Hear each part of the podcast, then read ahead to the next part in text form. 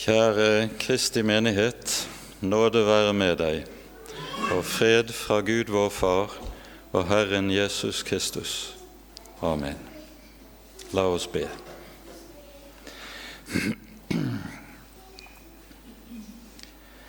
Vi takker og lover deg, Herre Jesus, du vår Frelser.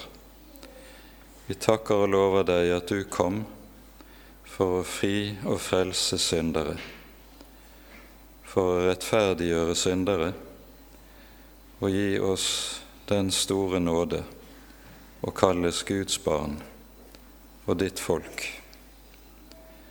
Nå ber vi, Herre, at du vil komme til oss med din Hellige Ånd, lukke opp dine ord og skrive ordet inn i våre hjerter. Herre, forbarm deg over oss. Amen. Det hellige evangeliet etter annen rekke for annen søndag i faste står skrevet hos evangelisten Lukas i det syvende kapittel.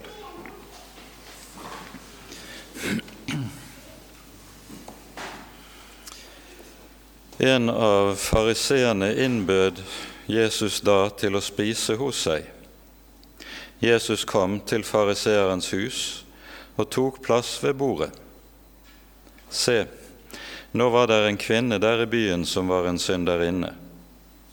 Da hun fikk vite at Jesus lå til bords i fariseerens hus, kom hun dit med en alabasterkrukke med salve. Hun stilte seg bak Jesus, ved føttene hans, og gråt. Hun begynte å hvete føttene hans med tårer og tørket dem med håret sitt, og hun kysset føttene hans mange ganger og salvet dem med salven. Men da fariseeren som hadde innbudt ham, så dette, sa han ved seg selv, var denne mannen en profet? Da visste han hvem og hva slags kvinne det er som rører ved ham, at hun er en syndig kvinne. Da svarte Jesus og sa til ham, Simon, jeg har noe å si deg. Og han sa, Mester, si det. En pengeutlåner hadde to skyldnere. Den ene skyldte ham 500 denarer, den annen 50. Men da de ikke hadde noe å betale med, etterga han dem begge gjelden. Hvem av dem vil elske ham mest? Simon svarte, Jeg antar den som han etterga mest. Han sa til ham, Du dømte rett. Så vendte han seg mot kvinnen og sa til Simon, Ser du denne kvinnen? Jeg kom inn i ditt hus, og du ga meg ikke vann til føttene. Men hun vette føttene mine med tårer og tørket dem med sitt hår. Du ga meg ikke noe kyss, men hun har ikke holdt opp med å kysse mine føtter fra den stund jeg kom inn.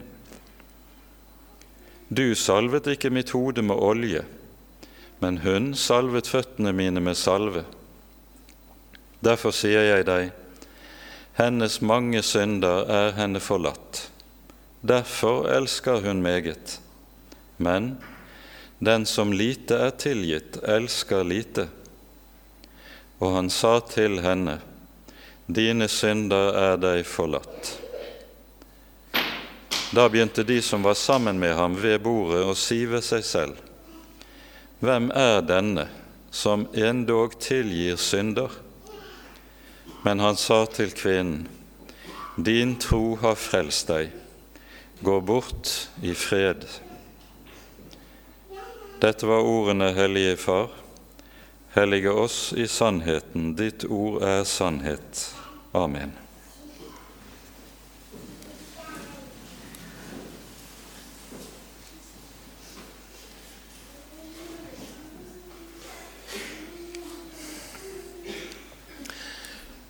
Det er nesten som et omkved vi kan møte i Lukasevangeliet, det som eh, sies om fariseerne.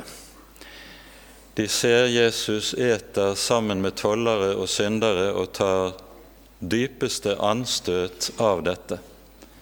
Vi hører dette nevnes en rekke ganger i særlig Lukas evangeliet. Og Dagens tekst går inn i denne videre tekstsammenhengen som forkynner oss evangeliet, slik som vi hører Jesus åpenbare det her. Det som var situasjonen i datiden, det var at når noen ble bedt til gjestebud, sånn som vi hører her Jesus er regnet som en rabbiner. Vi hører eh, verten kaller Jesus for mester. I Lukasevangeliet er det gjengivelsen av ordet rabbi. Eh, for Lukasevangeliet er skrevet med tanke på hedninger som ikke var kjent med jødedommen. Men når en rabbiner innbys, så er det en stor og ærerik begivenhet.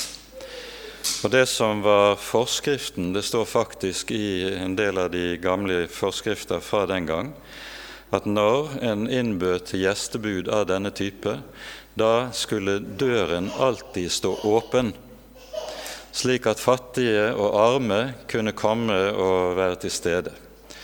Og Det som var den alminnelige praksisen, det var at et bord, sete, som ved et slikt gjestebud, det var formet som en, i en U-form eller hesteskoform, og så lå gjestene til bords på divaner som vendte ut fra bordet. Og så, når det kom fremmede inn som gjerne ville være til stede og høre, lytte til samtalen mellom de lærde, så kunne de sette seg langs veggen rundt bordsetet, og etter at måltidet var ferdig, kunne de også bevertes. Dette var helt alminnelig praksis, og derfor er det ingen underlig ting at denne kvinnen kommer inn under måltidet, sånn som vi hører det her. Det som er det særegne ved det vi hører i dagens tekst, det er at når Jesus innbys av Simon, så innbys han samtidig med at Jesus blir gjenstand for fornærmelse.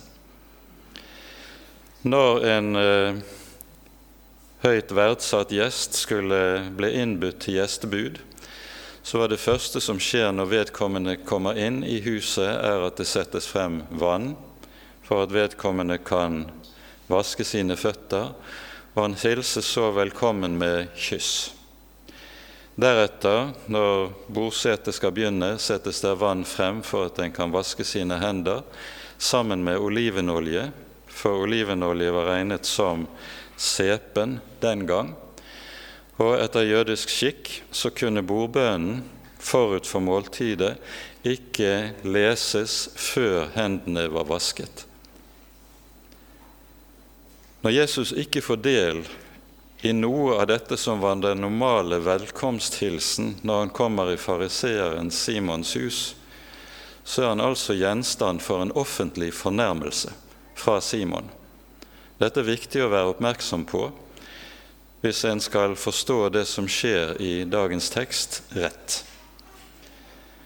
Og eh, den fornærmelse som Jesus er gjenstand for ved denne anledning, det er tydelig det er noe som griper denne kvinnen om hjerteroten. For hun vet hvem hun har med å gjøre i Jesu person det er han som tar imot syndere. Det er han som tar imot syndere for å frelse dem. Skal en beskrive ganske kort forskjellen mellom fariseernes teologi og Jesu måte å agere overfor syndere var, var det som følger. Fariseerne krevet at en person måtte slutte å være en synder før han kunne fordele Guds nåde. Mens Jesus på sin side rekker Guds nåde til syndere, og så er det nåden, den uforskyldte nåde, som blir til frelse. Ganske grovt og kort fortalt er det dette som er den store forskjell. Og Derfor er det Paulus kan skrive som han gjør i Romerbrevets fjerde kapittel. Den som ikke har gjerninger, men tror på ham som rettferdiggjør den ugudelige, ham regnes hans tro til rettferdighet. Det er ikke hans gjerninger som regnes ham til rettferdighet, men hans tro. Det er den fundamentale forskjell.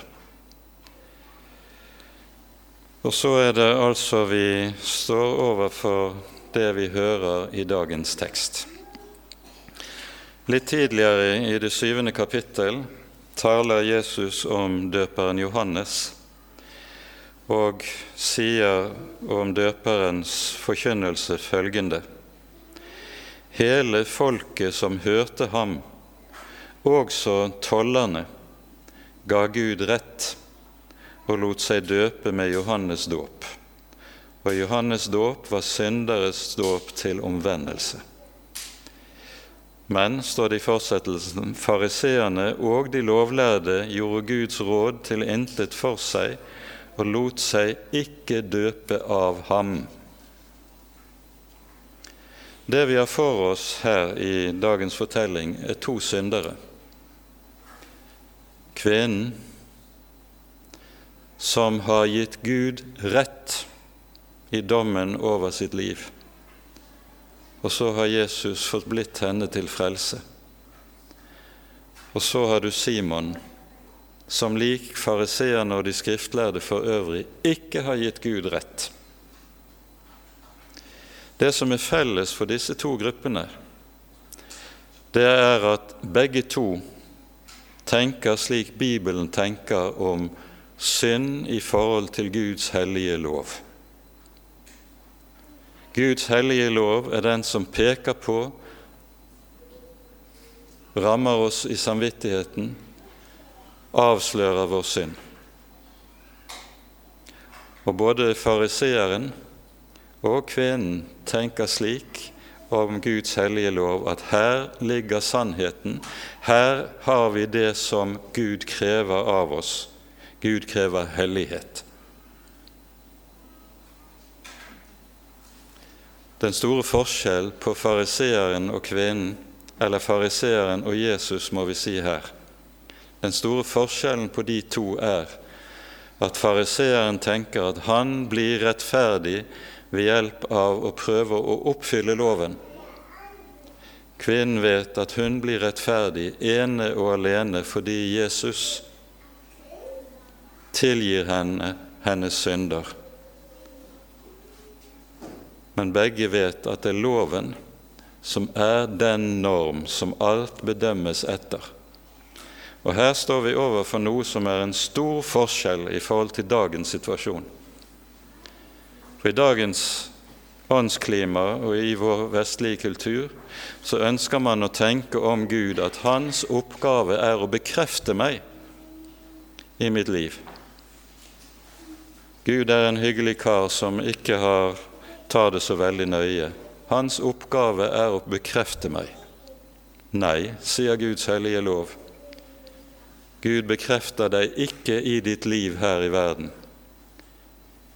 Han sender i stedet ut sin hellige lov og dømmer ditt liv. Og dommen er dypt, dypt alvorlig. Lignelsen som Jesus her, eller Eksempelfortellingen som Jesus her henter frem for oss, tegner forholdet til Gud som et skyldforhold. Vår synd setter oss i gjeld overfor Gud. Vi har en lignelse om samme sak i Matteusevangeliets 18. kapittel, der vi hører om tjeneren som skyldte 10 000 talenter, som var en helt astronomisk sum umulig å betale selv for den rikeste mann. Én talent, det var et vektenhet, én talent sølv, var like mye som en vanlig arbeider tjente i løpet av 20 års arbeid. Og det å skylde 10 000 talenter, det er umulig å betale for noen. Lignelsen i Matteusevangeliet den tegner for oss det som er din og min objektive skyld overfor Gud. Overfor Gud står vi med en objektiv skyld som er langt, langt større enn vi forstår, og som er fullstendig ubetalelig. Den lille fortellingen som Jesus gir oss her i Lukas 7, den taler om hvorledes skylden oppleves rent subjektivt for oss. Rent subjektivt er det meget for stor forskjell på menneskers synserkjennelse. En kan oppleve skylden som meget stor. 500 denarer, det var nesten lønnen for to års arbeid. Det er ikke så rent lite beløp, det heller. Mens den andre summen blir relativt mindre i sammenligning. Og så skjønner vi at det mennesket som rent subjektivt erkjenner synd som et problem i møte med Gud For ham er det slik at det er han selv som blir det største problemet. I klagesangene sies det slik i det tredje kapittel Hvorfor klager et menneske? Enhver klage over sin synd. For vi mennesker har så mange ting som vi kan kalle for våre problemer. Det kan være sykdom, det kan være nød, det kan være pengemangel, det kan være arbeidsledighet. Det er så mangt som er problemer. Men står du overfor Gud, så er det største problemet ikke alle disse ting, men det er deg selv. Det er ditt eget hjerte, det er ditt eget liv. Og Når Gud har gitt oss sin hellige lov, så har Han gitt oss loven som et erkjennelsesmiddel for at vi skal forstå, vi skal erkjenne hva som er vårt egentlige problem. Mitt egentlige problem er mitt eget hjerte min egen synd, min egen fortid. Det er det som er mitt egentlige problem. Ikke alt det andre. Og Når Jesus i Skriften kalles for trøsteren, så er han trøsteren ikke først og fremst som den som kommer for å trøste meg i forhold til de mange problemer, men han er trøsteren som rekker meg tilgivelse for synd. Han er trøsteren som gir meg soning for synd. Han er trøsteren som bærer min synd, som om det var hans egen. Det er poenget. Og så står vi overfor disse to, kvinnen og fariseeren. Kvinnen som den som vet om seg selv som at hun er dypt, dypt gjeldtynget overfor Gud. Og så har Jesus kommet til henne, betalt skylden, slettet ut gjelden, renset henne fra hva hun er, og fra hele hennes fortid. Og så veller takken frem. For når vi møter slike tårer som vi møter hos henne så, i, her i dagens tekst, så er det takknemlighetens tårer. Når et menneske har fått erfare denne overraskende godhet og kjærlighet, denne ubegripelige, ufortjente godhet, da veller tårene frem. Det vet noen av dere litt om. Hun var en som visste om seg selv. Hun hadde en erkjennelse av seg selv. At får jeg ikke nåde for intet, er det ikke noe håp for meg. Simon motsatt. Han er en som overhodet ikke trenger Jesus. Han trenger ikke nåde. Han får det til.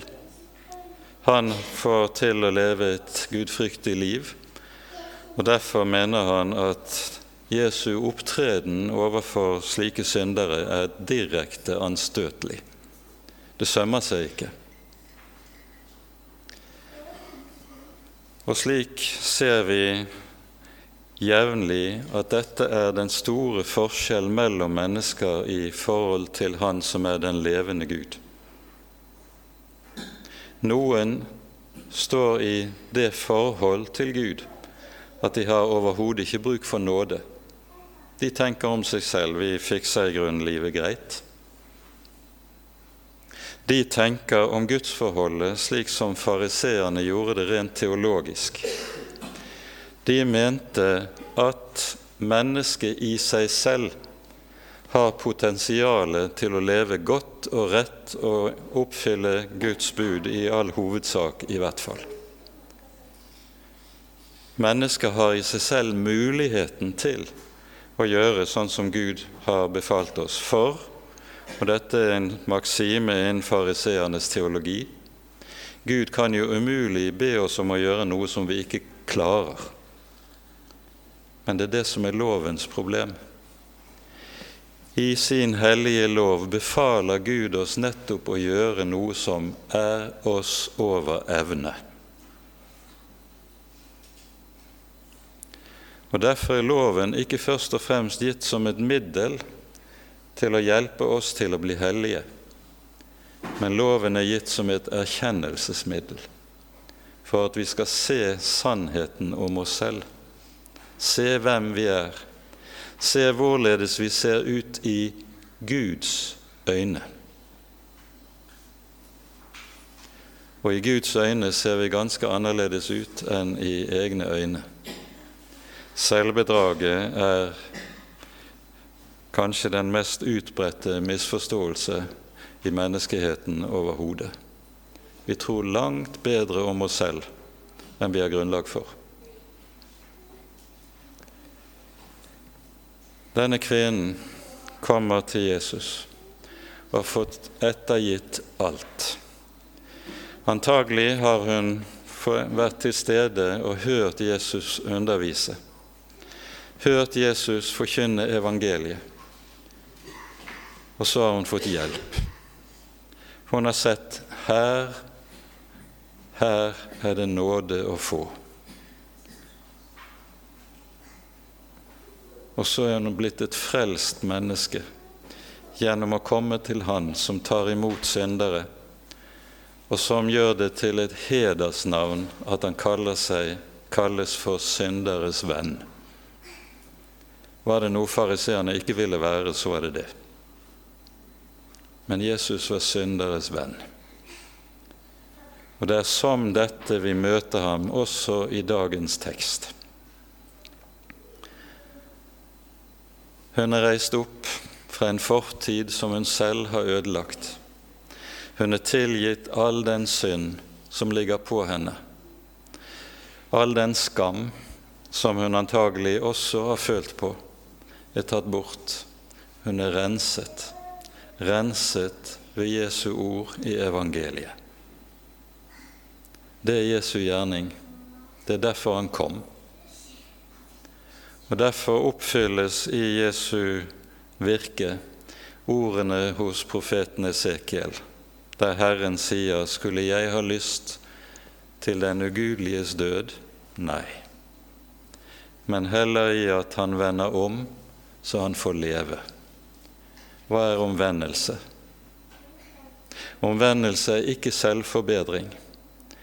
Omvendelse det er å komme til Jesus med sin synd, for at han skal ta den bort, rense meg fra den gjennom sin nåde og sin tilgivelse.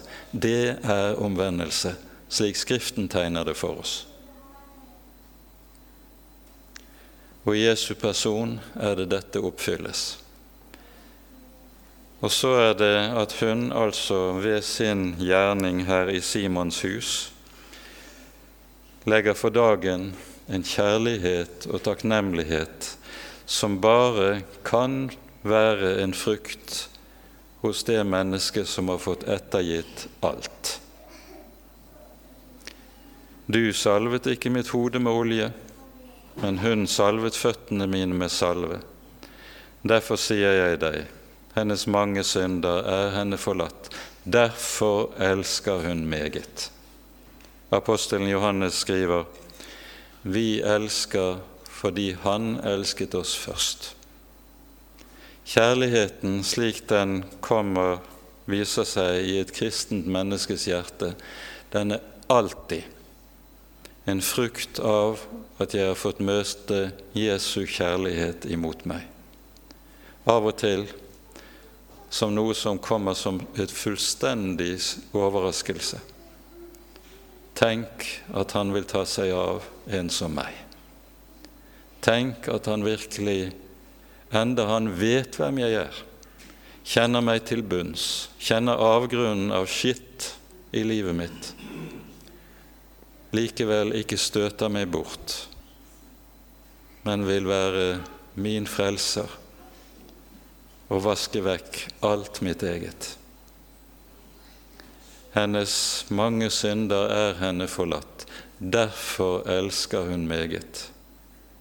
Derfor lyder det også hos apostelen Johannes i dette er kjærligheten.